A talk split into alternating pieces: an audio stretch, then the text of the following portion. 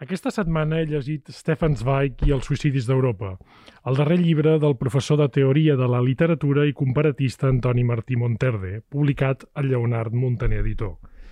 Aquest és un llibre que rellegeix l'obra de Zweig i que s'interessa sobretot per allò que de Zweig s'ha llegit parcialment o no s'ha volgut llegir, especialment a casa nostra.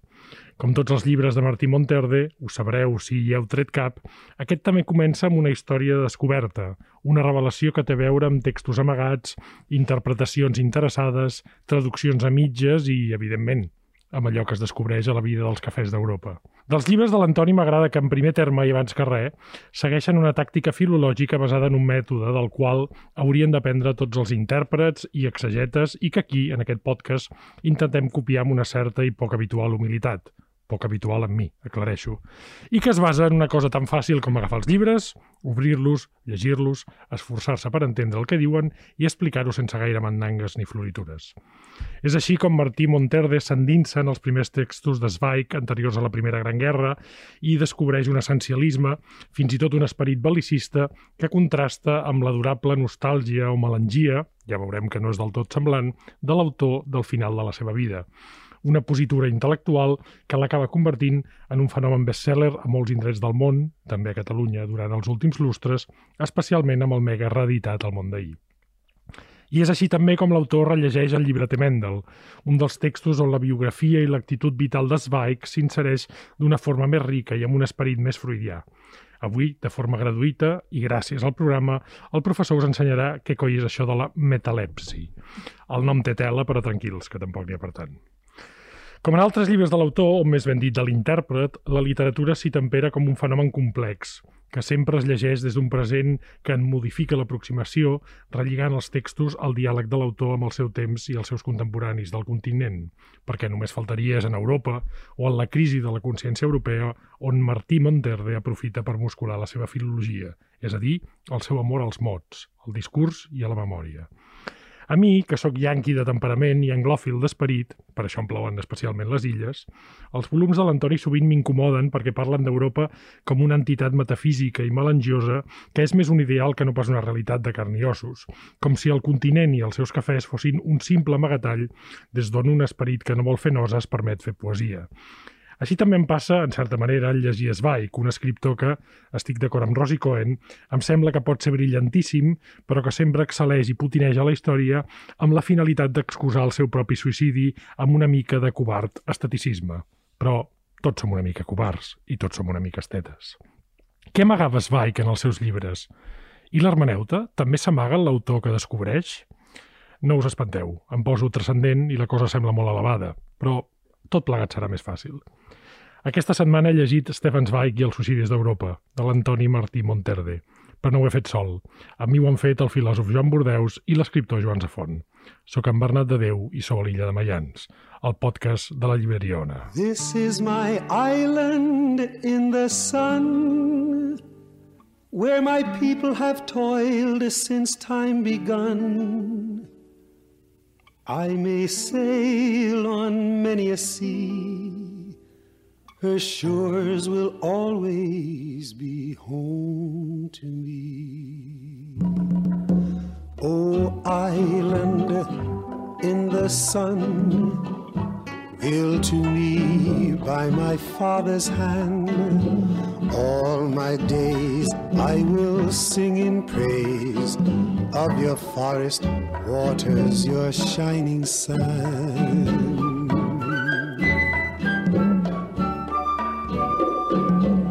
Senyor Bordeus, bon dia, bona tarda, bona nit. Mm, bon tot. Bon tot. bon Joan Safont, benvingut a l'illa. Què tal, com esteu? Moltes I gràcies. El... avui tenim no podem tenir Stefan Zweig, només faltaria, però tenim el cònsul d'Europa als Països Catalans, més conegut per la majoria d'oients com a assumia a Twitter, eh, professor Martí Monterde. Benvingut a la illa. Bon any. Bon any. quin any? Quin, quin any? Quin any? Afortunadament no és el 2020. T'agraden les illes? Perquè ets més de continent que d'illes. No, no, soc molt d'illes també, sobretot últimament que he descobert Palma, que em té completament fascinat. Sí, sí. I Islàndia, per exemple, és, és, un, és una illa i és un estat i nació que ha aconseguit jutjar el, els seus governs. Mm, no està malament. Jo ja he condemnar, perquè Sí, sí. si, si els hagués I a més a més, i absolt... Islàndia és, em sembla, un dels últims o dels penúltims països europeus a independitzar-se. I és el I- país amb més escriptors per càpita del món, cosa Home, això- funesta això és segurament. fàcil. Cosa que, per, per la qual hauria de ser expulsada de qualsevol No, no, però això és molt fàcil perquè, perquè eh, Islàndia en total eh, té menys habitants que, que València, per exemple. I tots tot el dia. Que tot, Sí, tot sí. al Bueno, i, final... amb la, i, amb, I a veure, poques coses també es poden fer en segons quines eh, èpoques de l'any. Sí. O sigui, segur que la creació literària El, és una el millor pla de lectura eh, de foment de la lectura és una climatologia escandinava. O una, o, o- una climatologia vienesa s'hi acosta. No, escandinava és més dura que la vienesa. Molt però més dura. En qualsevol cas, avui parlarem de la, de la climatologia vienesa i de la climatologia europea, parlant de- d'aquests dos textos de, sobre textos de Stefan Zweig i de la seva recepció. Deia en la meva introducció, Antoni, i per aquí podem començar, perquè eh, si heu llegit els, els llibres de Joan Fuster, de, de qualsevol temàtica de l'Antoni, rere els llibres, i és una història que, que tu expliques, sempre hi ha una història de llibres. Mm -hmm. Què és el que et porta a fer a, aquell llibre d'Esbai, que és un, és un cert descobriment també no només de llibres, sinó d'un tipus de lectura esbiaixada. Exacte. Aviam, eh, la major part dels meus llibres comencen o en un tren o en un cafè. Això és una premissa bàsica. Involuntària, però que s'ha consolidat com una cosa Mhm. recurrent. Aviam, jo sóc un home de cafè i vaig descobrir la vida de cafè europea precisament a Amèrica. O sigui, quan jo vaig, vaig estar a Buenos Aires i a Rosario, vaig descobrir que hi havia uns cafès que eren els cafès europeus que jo encara no coneixia eh, i que veritablement eren anacrònics però completament actuals. Per què? Perquè hi havia escriptura i lectura en temps present. És a dir, la gent al, a Buenos Aires, tu en- entraves per la porta d'un cafè i veies, aquí pots veure, no sé, 10-15 taules. Uh -huh. Obries la porta del Tortoni i veies 150 taules i totes plenes. I la meitat amb gent llegint o escrivint. Uh -huh. Clar, això eh, ara aquí a Europa pràcticament és in- inversemblant. Però, eh, però Buenos Aires, que és la ciutat més gran d'Europa, el problema que té és que està a l'altra a l'altra punta de l'Atlàntic, Perquè no hi cap, clar. no hi cap, exacte, perquè són 14 milions d'habitants, Sí, sí. més 3 o 4 milions de Villa Miseria que no se saben exactament què fan. Mhm. Però en tot cas vaig descobrir la vida de cafè a Buenos Aires. I a la tornada aquí, eh, com que em vaig instal·lar imaginàriament a Buenos Aires, vaig començar a escriure, eh, a desenvolupar una part dels meus dietaris d'aleshores que es van convertir en l'erosió, Uh -huh. que és un llibre de, diguem-ne, de viatge, és una etiqueta que no m'agrada, però per entendre'ns, Mhm. que eh, discorre tot allà. Però eh, escrivint aquell llibre, eh, llegint molta bibliografia que no havia llegit abans del viatge, perquè no, no estava previst així, me'n vaig adonar que estava acumulant dues biblioteques paral·leles. Una de literatura europea a l'Argentina, incloent-hi els autors argentins, que són autors de la tradició europea, perquè Borges Ah. ho diu així, la nostra tradició és la literatura europea i no la literatura espanyola, evidentment. Uh -huh. I, en paral·lel, m'estava creixent una bibliografia, una biblioteca sobre cafè i literatura. I és quan descobreix una sèrie d'autors que, que ja coneixia d'anomenada o que havia llegit alguna cosa esparsa, però que començo a veure que hi havia un mapa d'Europa a, a través dels cafès. I d'aquí surt Poètica del cafè, que és un llibre de 2007, que ara sortirà una nova edició a Ortega i Hurtado. Uh -huh. Havia sortit anagrama, si no recordo Havia malament. sortit anagrama i es va, es va exaurir, durant molt de temps estava exaurit i anagrama no va tenir mai la intenció de, re, de reeditar-lo. Ells ho perden. I és el cafè, evidentment, que, et- que et porta Zweig, ara en parlarem de, de Exacte. Zweig i d'aquests dos, dos textos que cites, Exacte. per començar a xerrar sobre el llibre, avui amb els dos, dos Joans. Com passa amb, el, el, amb els textos del, de l'Antoni, ens- no només es parla de Zweig, sinó eh, que es parla de moltes coses. Aquest és un text sobre Europa, és un text sobre els cafès... sobre però- la memòria, però- sobre, sobre la memòria, sobre la recreació de la memòria. i, i, i comença, i jo encararia ja el gra de, de, vaja, de la temàtica del llibre, amb els errors de lectura o una certa lectura esbiaixada que s'ha fet d'Esbaik. Eh, com, Sí, com sí. funcionaria això? Com ens ho explicaries? Perquè, per, per, per, els lectors s'hi endinsin. Clar, l'Antoni ho explica molt bé. Zweig ha tingut, ha tingut a, a, a Catalunya tres onades. Una és als anys 30, és un autor molt popular Uh -huh. en vida, habitual de les crítiques de Mirador. Una altra és la, la, la de postguerra, amb, amb Destino i altres editorials publicant els seus llibres.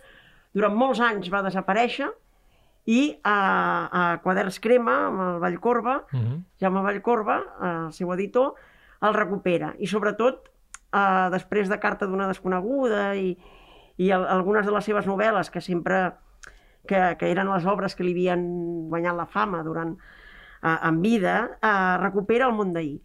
I es converteix en un best-seller, en un, en un estrany best-seller. Sí, sí. Més aviat un Estrany, sobretot, per, per, per, per una Sí, editorial sí, sí, com sí. Crema i, i Exacte, Acantilado, exacte, que feia exacte. molts anys que no tenia bestsellers des, de, El- el- el- des del exacte. els gran, el gran boom de la literatura de Monzó i de Exacte. Pàmies, eh? però, però amb un autor estranger és, una, és un fenomen molt estrany. I el problema és que aquest llibre acaba fixant una imatge de Stefan Zweig Mhm. i una imatge de, de, de nostàlgia centroeuropea i de pacifisme més o menys comprable per, Sí. per, per Fins, tothom. fins i tot podríem dir xupi-guai. És a dir, tenir, Sí, sí, sí. ten- tenir el món d'ahir Que, a a, la, a, que, a la, a, la, a, la, a casa et feia, et Que- feia d'una certa manera, no? que a més lliga amb una idea de nostàlgia intoxicadora, de Mm. qualsevol temps passat va ser millor, d'una mitificació d'Europa. Sí, sí, un enyoradís, un, enyor, Una- una, una- un, un simple enyora- enyoradís culte seria Exacte. Zweig. Sí, Però això esdevé un, un, fins i tot un tòpic literari, no? La- la- L'apel·lació a Zweig, eh, l'esteticització de Zweig, acaba sent eh, doncs, oficial. Era convenient, m'imagino, també amb, amb l'europeisme Sí, sí. eh, oficial, era convenient amb una certa combat del nacionalisme... Eh, Blanque, blanqueja moltes coses, no? Exacte. Joan Bordeus, diríem ara, avui, avui haig d'especificar perquè tinc dos Joans. Uh, uh, això que ens deia el, en, en Safora ara és, és interessant. Tenir, no sé si tu tenies el món d'ahir a casa, jo el tenia, Jo uh, el tenia, el sí. vaig heretar, però blanquejava moltes coses. És a dir, tu veies, tu veies aquest llibre a l'estant i, per dir-ho així, podies iniciar un sopar sense gaire complicacions, oi? Sí, jo per, entro al món d'ahir, entro a Zweig ja avisat per Hannah Arendt, no? Una de les coses més interessants és que Hannah Arendt és de les primeres figures que fa una ressenya demolidora del món d'ahir. A mi m'interessa la batalla filosòfica que hi ha darrere eh, que, per a què s'utilitza filosòficament Zweig, que és el, mate el mateix que criticava Arendt es pot interpretar a la llum d'aquestes reedicions de l'obra de Zweig.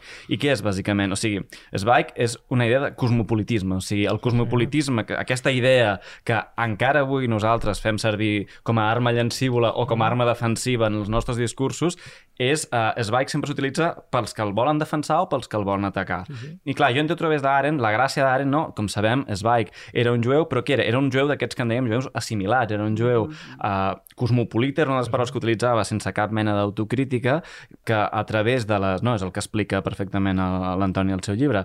Zweig era un, eh, formava part de les famílies més riques de- de- d'aquella Viena, quan en realitat en aquella Viena hi havia, eh, tu, tu m'ho vas dir, Antoni, una, era una de les ciutats amb la, per culpa de la falla de l'imperi austro-húngar, era una de les ciutats que havia recollit més taxes de misèria, de pobresa, d'atur, de violència als carrers, i en canvi res d'això apareix al món d'ahir. Clar, què fa Anna Arendt? Anna Arendt diu, aquest és, eh, quan critica el món d'Esbaig parla d'aquesta idea de el cosmopolita desconnectat de la seva realitat i què és el que el desconnecta? Doncs és el que diu Arendt, que no accepta la seva condició de jueu. No? Per, una de les crítiques principals que li fa Hannah Arendt és uh, quan el problema d'Esbaig és que si t'ataquen com a jueu t'has de defensar com a jueu i tots els llibres d'Esbaig són com una mena d'autor desarrelat cosmopolita que precisament el llibre d'Antoni el que explica és com no era tan cosmopolita com sembla. I, I una de les coses que demostres, a la línia del que ara deien els dos Joans, Antoni, és que un autor no es pot separar de la lectura que es fa del seu, del, de la seva obra, dir- i tu veus, i tu veus, comences a veure una desconnexió. Eh? Sí. És a dir,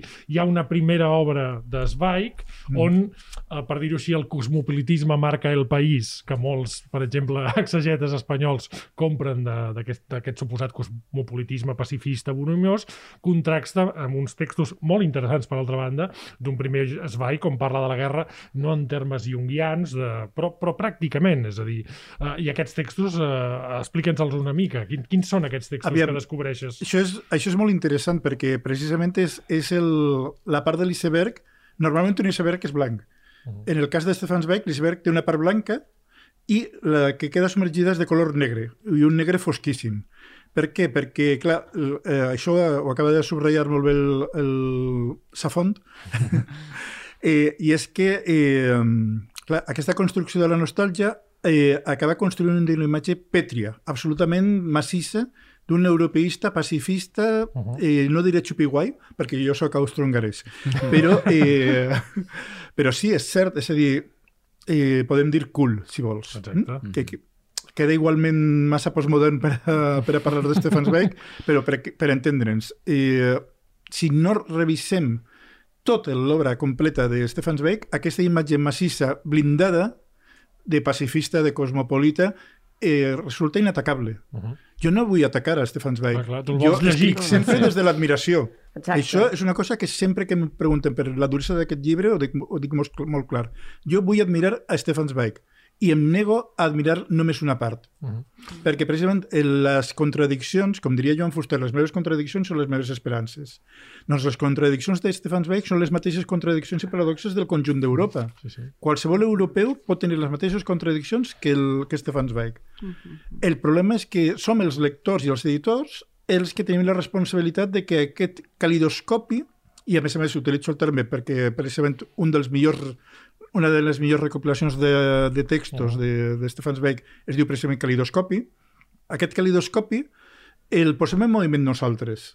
Si traiem alguna de les, de les cares del calidoscopi, eh, la imatge que resulta eh, és igualment complexa, atractiva i enjornadora, I tant. però és falsa. I, i, però, i, i diria que, que el que descobreixes és fins i tot, com que és més complex, és més ric. Exacte. I, i ara, ara, amb això volia parlar amb els, amb els nostres dos Joans, que parli quin ell, eh, qui vulgui d'ells dos, que és que el que descobreix, per dir-ho així, o que ens ajuda a descobrir l'Antoni, que és que hi ha un Zweig que abans de la Primera Guerra és una persona, diguéssim, que es lamenta pel no nacionalisme, diríem ara, del seu país, que enyora aquella gran Alemanya de, de, del, del, del gran imperi de Mozart i de Beethoven, de Josep II de Baviera, aquell sacre imperi germà que deien abans, no?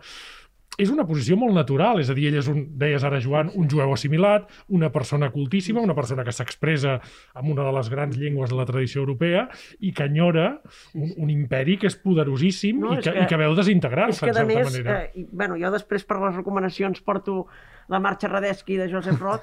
Clar, eh, per un jueu, eh, el lloc que se sentia còmode era l'imperi, no la nació, la nació de, de, de la Galícia, d'on provenien les seves arrels, sinó el gran imperi on podia anar amunt i avall i on per primera vegada se li respectaven els seus drets i no anava a parar eh, al gueto. Per tant, és, és completament natural que idealitzi Uh -huh. uh, l'imperi i que, i que en sigui una exageta, perquè Clar. és l'imperi el que l'ha permès ser un dels uh, fills d'una família molt rica. I no un, dels imperi, i no un imperi menor, eh? Estem Exacte, parlant un imperi que anava des del Mediterrani a, a, a Rússia. I peeked in to say good night.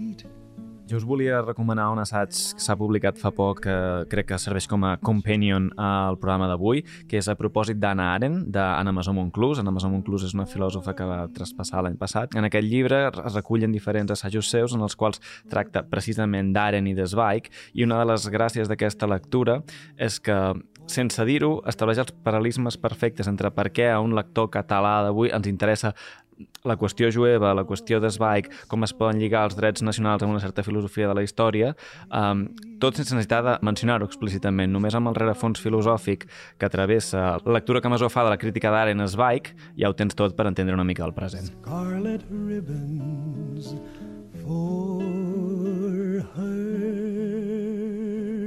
hair.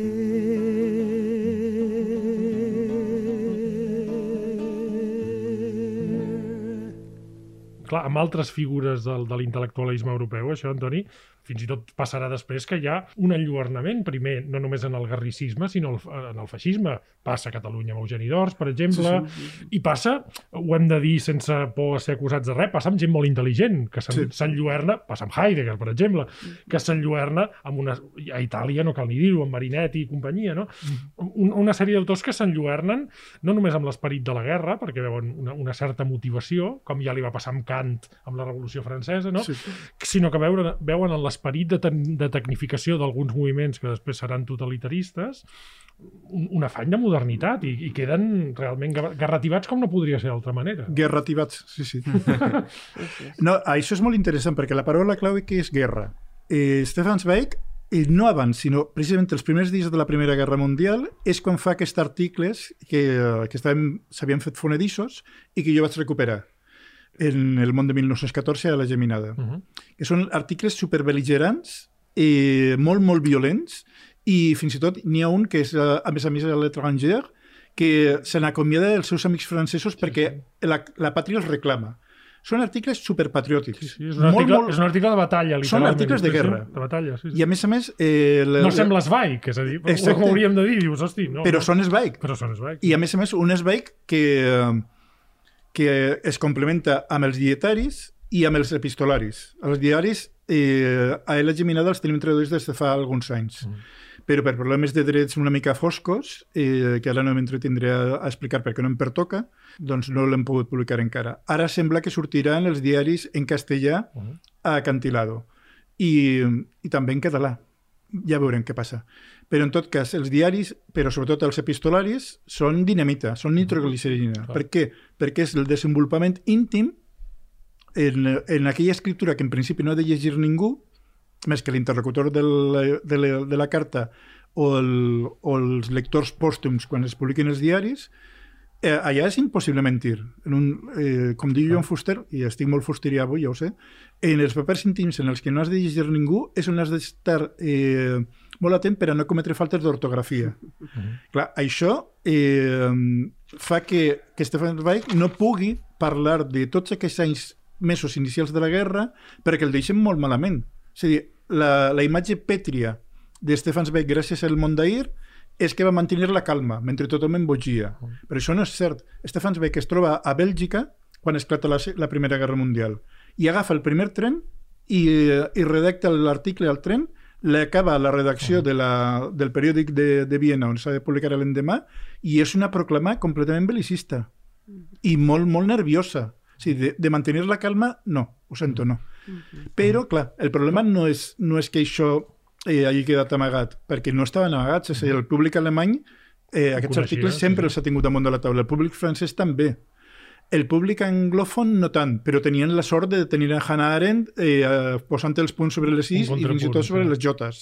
Això que dius és, és interessant, Antoni, també perquè demostra una cosa també molt natural, eh, o dues coses molt naturals. Primer, que un autor té molts, moltes lectures i que té tot el dret a, a, vaja, a, a, tenir diverses cares i en això jo penso que justament la teva feina, que és la, la feina de la filologia, és on, és, on, és on hi rau la seva complexitat. És a dir, si sempre hi hagués el mateix ferreter, la filologia seria molt avorrida perquè ja arribaries a una conclusió i tots sabem que no som iguals als 20 anys que als 40 anys i per tant aquí la filologia també ha, fer, ha de fer la història d'una persona, sinó també eh, Joans, eh, que, el, que el Zweig és un ésser, un, un escriptor que és molt conscient de que algú el llegirà i que, per tant, és molt conscient de que va, ell mateix va rellegir la seva obra, per, per dir-ho així, perquè és molt conscient de que, de que hi haurà un futur immediat que el llegirà, hi ha una posteritat. Sí, llavors això és el que l'efecte que fa llegir el llibre de l'Antoni és aquesta mena de desemmascarament que ell vol convertir en un enriquiment, uh -huh. però que en última instància és impossible no sentir una mena d'enganyifa pels que hem estat lectors a crítics de,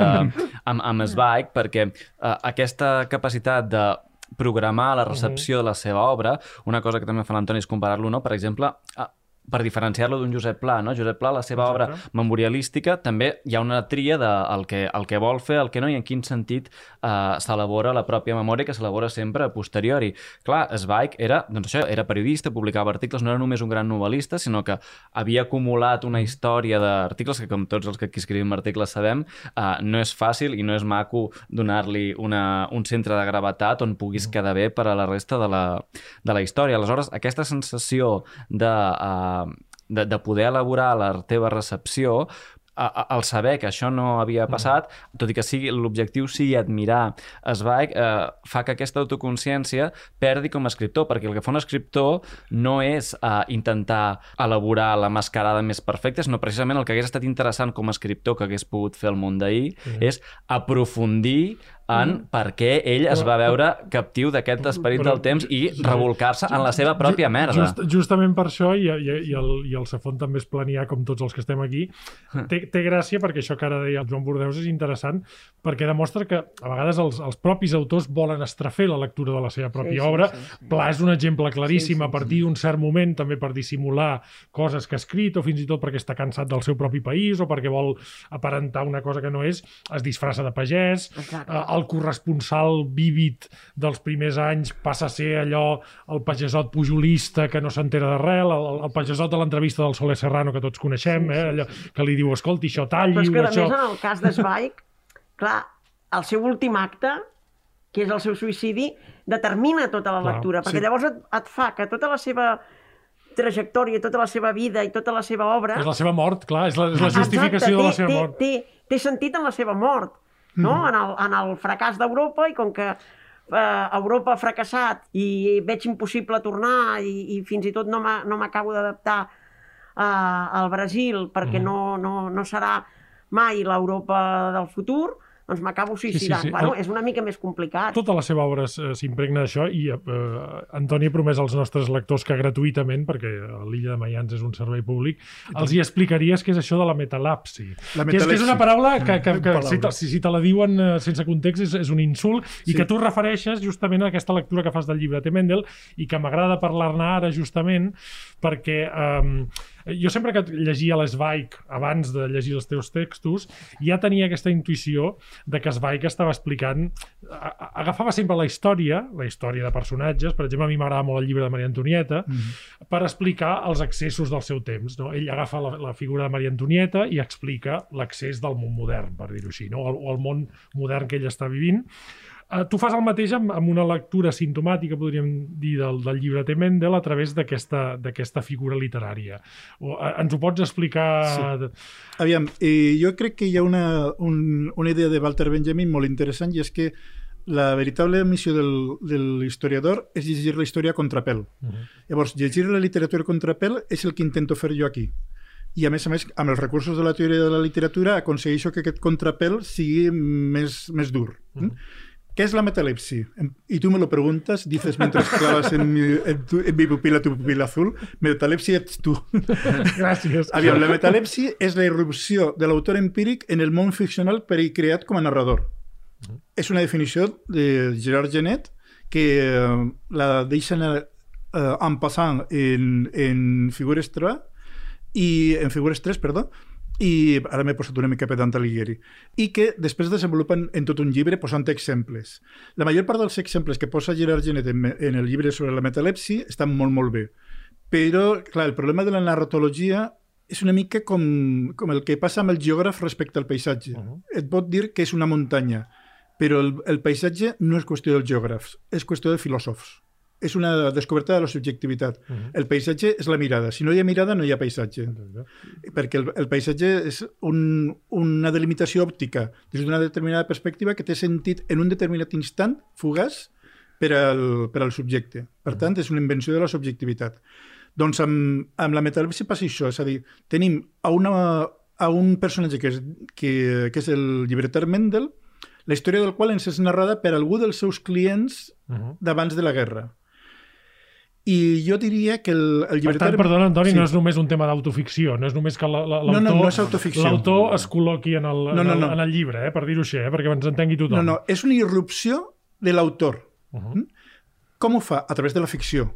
És a dir, ell inventa un narrador que és un antic client, com hauria pogut ser o Stefan Zweig, d'un eh, llibreter Mendel de l'època. Exacte. I, a més a més, eh, és un relat que, al meu entendre, és el relat més perfecte que mai va escriure aquest senyor. Mm. Sigui, és molt conegut per les novel·les. A mi les novel·les em semblen una mica Sí. inconsistents. Sí.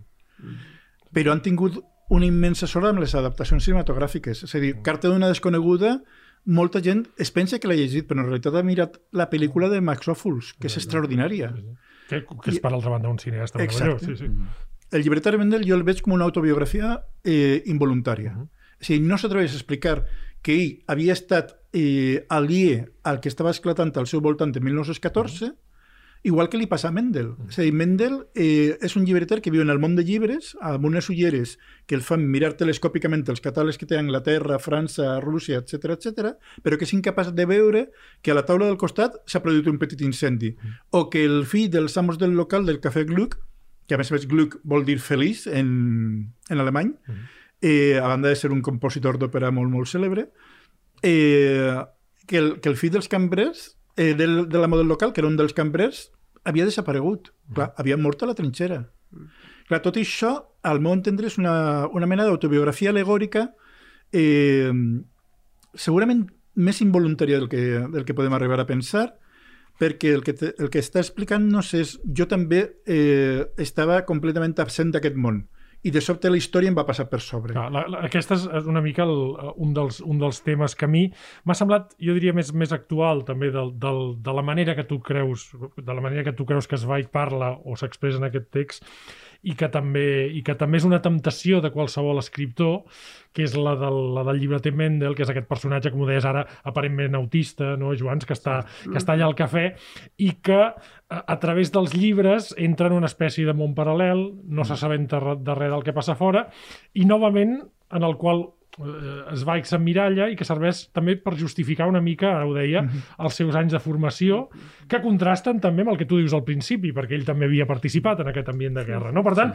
estem parlant de moltes veus que intenten disfressar-se eh, en, una, en l'aparent buit eh, d'un cafè, oi? No sé si ho he dit bé. Sí, per mi la, el contrast entre el llibreter Mendel... És interessant fer un contrast entre el llibreter Mendel i la- el món de, el, el món d'ahir en la mateixa qüestió, el que parlaves del feixisme i l'atractiu del feixisme, no?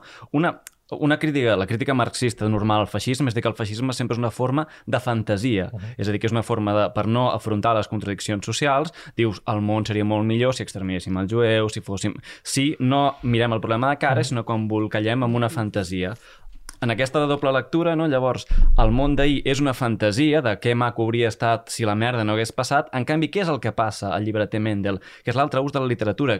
Això ho explica molt l'Antoni. Qui, quin personatge explica la veritable història un cop el protagonista del llibreter uh -huh. ha tornat i, és, i ha, ha estat en un camp de concentració? La dona dels lavabos, no? La dona dels lavabos, no? que és aquesta, és la dona que el personatge s'encarrega... marginal, no? Sí. La- qui, qui, nete- qui La neteja, perifèria de la història. Qui, qui neteja Clar. l'excrement, qui neteja el pixum, etc. Llavors, no? hi ha aquesta doble cosa, el feixisme com a moviment polític i la tentació literària, no? És pràcticament sucumbir a les mateixes tentacions. Tu pots... Zweig demostra que és capaç de fer una literatura on vagi cap a la merda i alhora que és capaç de fer una literatura que vagi cap a, que vagi cap a, la, cap a la fantasia. També demostra que pot tenir impulsos feixistes, que són sempre una forma de fantasia, però que pot tenir impulsos crítics. El, el que per mi no el redimeix és que, el, eh, en aquest cas del llibreter Mendel, és que era precisament involuntari. És a dir, la seva millor crítica al que ell representa és voluntari. En canvi, quan ell fa la seva gran obra, l'exercici més voluntari de tots és un exercici de fantasia, no de... És una fugida d'estudi. No, exacte, és una fantasia, no és literatura de la merda. Igual... Bueno, però, però és, és, també la, no deixa de ser una cosa molt, molt explicable. La nostra Sí. visió de nosaltres mateixos sempre acostuma a ser sí. molt menys agradable del que... No, A molt, més- Ens pensem que està molt ben construïda, però no només és falsa, A si- sinó que, a més a més, pot arribar a ser una mica cursi. A més, oi, clar, no podem oblidar que ell era un autor d'èxit internacional, o sigui, era un senyor... Un senyor que- venerat, sí, sí, ho podem dir. Exacte. Podem De dir. fet, ell es pensava que forma, formant part de les elites espirituals europees, el nazisme no s'atreviria amb ell. Exacte. I de sobte un dia es troba que està incrementant els seus llibres Sí, també Sí, sí, sí. eh, a la mateixa Exacte, pira que la resta dels exacte. autors jueus. Sí, I sí, és quan malgrat haver que també fet van a... per les Trous i per... Exacte, i que malgrat- van a per ell Sí, sí, sí. i se'n va. sí, sí se'n però... va, però la, pregun la gran pregunta que jo em faig és quan comença a suïcidar-se Stefan Zweig? Mhm. Sí, sí. Sí, perquè un suïcida no improvisa. Eh, No, no. és, és com aquell poema de, de Luis Rosales, un feixista també molt, molt contradictori, que diu, com el suïcida lento que contase las olas que le bastan para morir. Mm? Doncs, quantes onades... Clar, hi ha un pla, hi ha un pla. Hi ha un pla. Hi ha una meditació, Exacte. hi ha una valentia, també cal dir-ho. Sí, sí. Per mi, eh, Stefan Zweig comença a suïcidar-se quan se n'adona que els articles del 14 eren la seva més gran equivocació. Mhm. I se- se'n penedeix quan, quan en, els, en els diaris queda molt, molt clar i en, un, i en un article fa un viatge a Galícia i torna eh, es, esgarrifat, narrativat. Per què? Perquè ha tornat amb un tren hospital i se n'adona que la guerra era això. Que la guerra era eh, tornar amputat, tornar amb els pulmons desfets pels gasos i tornar a una, a una Viena, i això ho explica molt millor Joseph Roth que no pas Stefan Zweig, on la, els pares havien enviat els, els seus fills a la guerra i s'havien eh, beneficiat. Beneficiat. Conegut bíblicament... Estem eh, en horari infantil. Estem en horari... Conèixer. per- Havien per- per- conegut bíblicament a les dones a qui, eh, que estaven destinades per a ells. La generació que havia tornat mutilada i desfeta si és que havien tornat de la, de la guerra on els seus pares i avis els havien enviat. Oh, my love, my darling, I've hungered for your touch. us volia portar un, un assaig que s'acaba de publicar, és el 36è Premi d'Assaig Josep Vallverdú, i és un llibre molt curiós i molt, molt insòlit en la nostra literatura, que és un, una recerca sobre el gato pardo.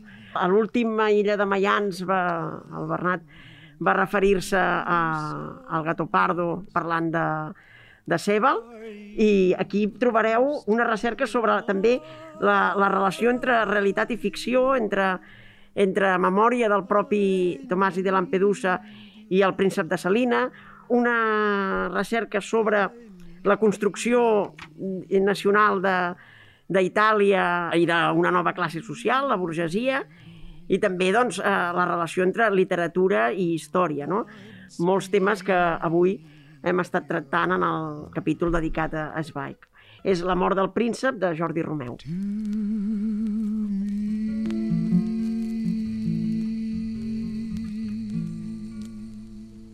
Abans, Antoni, deia una cosa que, que jo crec que, que és especialment oportuna aquí que parles d'un autor europeu, i és que quan llegeixes la, la teva obra sempre tens la temptació de portar-la cap a casa i cap als autors de casa que tu sempre has volgut emparentar amb els autors europeus, eliminant aquesta distinció entre casa i fora. Sí, sí. I jo quan estava escoltant aquesta... Quan estava escoltant, no, quan m'estava escoltant a mi mateix llegint la teva obra, sobre l'obra de Zweig, pensava eh, la llegeixo des de l'ara i penso, hi haurà molts autors de la literatura catalana nostrada que, per exemple, en els últims anys s'han suïcidat perquè han renunciat, per exemple, a escriure sobre el present polític. Eh? Per exemple, hi ha molts autors, jo penso en el cas d'un autor a qui, per cert, algú ja un autor que té certa relació amb aquest podcast, no direm qui és, però que en un moment de la seva vida va deixar de fer articles mm. perquè no volia opinar sobre política i jo vaig pensar, bé, això és, un, és una forma de suïcidi. Mm. És a dir, en un moment on Catalunya està vivint un present convulsíssim pel que fa a la seva història, eh, quan els hermeneutes d'aquí 100 anys analitzin certes obres literàries diran, hosti, aquests tios no estaven vivint un present convuls, perquè hi ha novel·les que parlen, hi ha un retorn a la, a la novel·la rural, Mm. hi ha un retorn a la novel·la, a la novel·la confessionària del segle XIX, diguéssim, a la novel·la del jo poètic, i, per exemple, hi ha molt poques novel·les que parlin de la situació política actual de Catalunya. Això per un hermeneuta d'aquí molts anys també suposo que crearà lectures de suïcidi dels autors catalans. I a mi m'hi has fet pensar molt. No sé, no sé si ho tenies al cap, però bueno, això són lectures No, que, que havia- volen lliures. No, aviam, evidentment, el, el, quan algú escriu un llibre, no escriu totes les lectures possibles. Això és responsabilitat del lector. Només faltaria, no? Només faltaria, exactament. Si no, Roland Barthes no hauria significat res per nosaltres. És a dir, arriba un determinat moment que el llibre és una baldufa que només existeix en moviment Uh -huh. i, i és completament fora de tu. Eh, I tu no el domines, no tens manera de dominar-lo i està bé que sigui així. No? I està molt bé que l'autor tampoc pugui, pugui dominar la seva recepció, que és una mica el que, el que tu has explicat, que Zweig intenta fer-se un traje humida perquè la posteritat el, el llegeixi i Sí, però en nosaltres, aquest sentit la funció de l'editor és fonamental. És a dir, Stefan Zweig no hauria aconseguit això sense un editor com Quaderns Crema i Acantilado. Uh -huh. Eh, ara passaré una mica d'un, eh, per un umbralet i diré jo de, yo he venido a hablar, aquí a hablar de mi libro. Mm. Parlaré d'un llibre del 2007, que és Poética del Café. Uh -huh. En Poética del Café jo cito profusament a Stefan Zweig. I a més a més era un llibre escrit en castellà, per tant tenia moltíssimes traduccions d'acantilado i a la meva disposició per a que el llibre fos perfecte des del punt de vista del rigor filològic en el bon sentit de la Però paraula. no vas voler quedar bé. No vas voler quedar bé perquè no ho necessitava. Clar. Per què? Perquè jo ja tenia tots els llibres de Stefan Zweig en castellà en Luis de Caralt, en Hispanoamericana i sobretot en Juventud. No cito en Mhm. tot el llibre ni una sola edició d'Acantilado. I no per una mania personal. I no de per ningú, una eh? mania personal, perquè Vallcorba, que va ser professor meu, eh, jo l'admirava molt eh, i considero que ha estat un dels grans editors d'aquest país. Uh -huh. En català i en castellà. I tant. Però no, Indiscutible. no necessitava el, les seves edicions. I les que necessitava no les feia, que eren els diaris. I, per- I per tant, el retret que jo li faig a, a quan ens crema Cantilado és que han espremut una taronja com si fos la taronja mecànica. Com si la, la taronja fos el, el seu propi espremedor. I al final, clar, eh, te n'adones que la taronja estava podrida i que tot el sabor que té, el suc, és amargant. Uh -huh. i t'ha amargat la vida perquè t'ha enganyat. Escriure, escriure és, és buscar-se enemics i problemes i, i llegir també, pel, pel que veiem. La tasca de... però, però està molt bé que ens expliquis això perquè la tasca... És bo saber que la tasca de l'hermeneuta sempre és una mica perillosa. Has dit abans una cosa molt interessant, Moltes que és que el, gràcies. el filòleg, eh, el filòleg és algú que s'estima els mots. I tant. Llavors, eh, la paraula filòleg té molt mala premsa perquè la filologia eh, en aquest país ha estat només la documentació de la vida de l'autor i del context en què va crear la seva obra. Mhm. Un filòleg no és això. Un filòleg és molt més. Jo, eh, quan parlem de filòleg, sempre penso, per exemple, en Eric Auerbach, en Leo Spitzer, Mhm. en, en en Robert Curtius, tot i, el, tot i Sí. que també és una figura molt, molt, ambigua, controvertida, sí, sí. que també he estudiat en, aquest, en aquesta clau, però són filòlegs que a diferència romanistes, que a diferència dels romanistes de, de la península ibèrica, no es tanquen en la, en la exegesi dels textos medievals. Eh, Curtius, per exemple, escriu un llibre en temps real sobre Proust, Uh -huh. un altre sobre Balzac, escriu eh, a la premsa contra la sociologia, contra les masses. Sí, sí. Estàs, estàs parlant de filòlegs que són polemistes i que, i, que, i que fan al seu torn literatura. Exacte. Eh? Perquè, Sí, fan, sí. perquè el filòleg també, parlant sobre literatura, fa literatura i literatura de bon llegir. Per exemple, el, cas. el millor llibre que ha escrit mai un filòleg i un comparatista és el del romanista Eric Auerbach, Mhm. Mímesi. Sense mímesi, tot el pensament literari del segle XX, i, bueno, i de la modernitat, perdó, però especialment de, des de Montaigne fins al segle XX, perquè comença amb, eh, comença amb la literatura clàssica, hi ha un capítol definitiu que és el, el de Montaigne, i acaba amb Virginia Woolf. Uh -huh. I això fa a Istanbul com a exiliat, jueu exiliat. Montaigne, un, un dels altres autors que aquí Zweig va, va dedicar molt de temps. Uh, Se'ns esgota el temps, mai millor dit, uh, uh, professor. Uh, T'agraïm molt que hagis vingut a la- a a l'illa.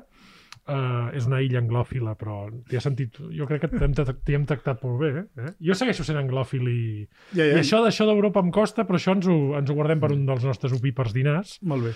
Uh, amb cafè, al final. Amb cafè, evidentment. Amb cafè, eh, i si cal copa i puro. Moltes gràcies eh, al Joan Bordeus i al Joan Safont per, per il·lustrar aquest llibre de l'Antoni. Un llibre que ens porta molts altres llibres, un llibre que jo us recomano que llegiu.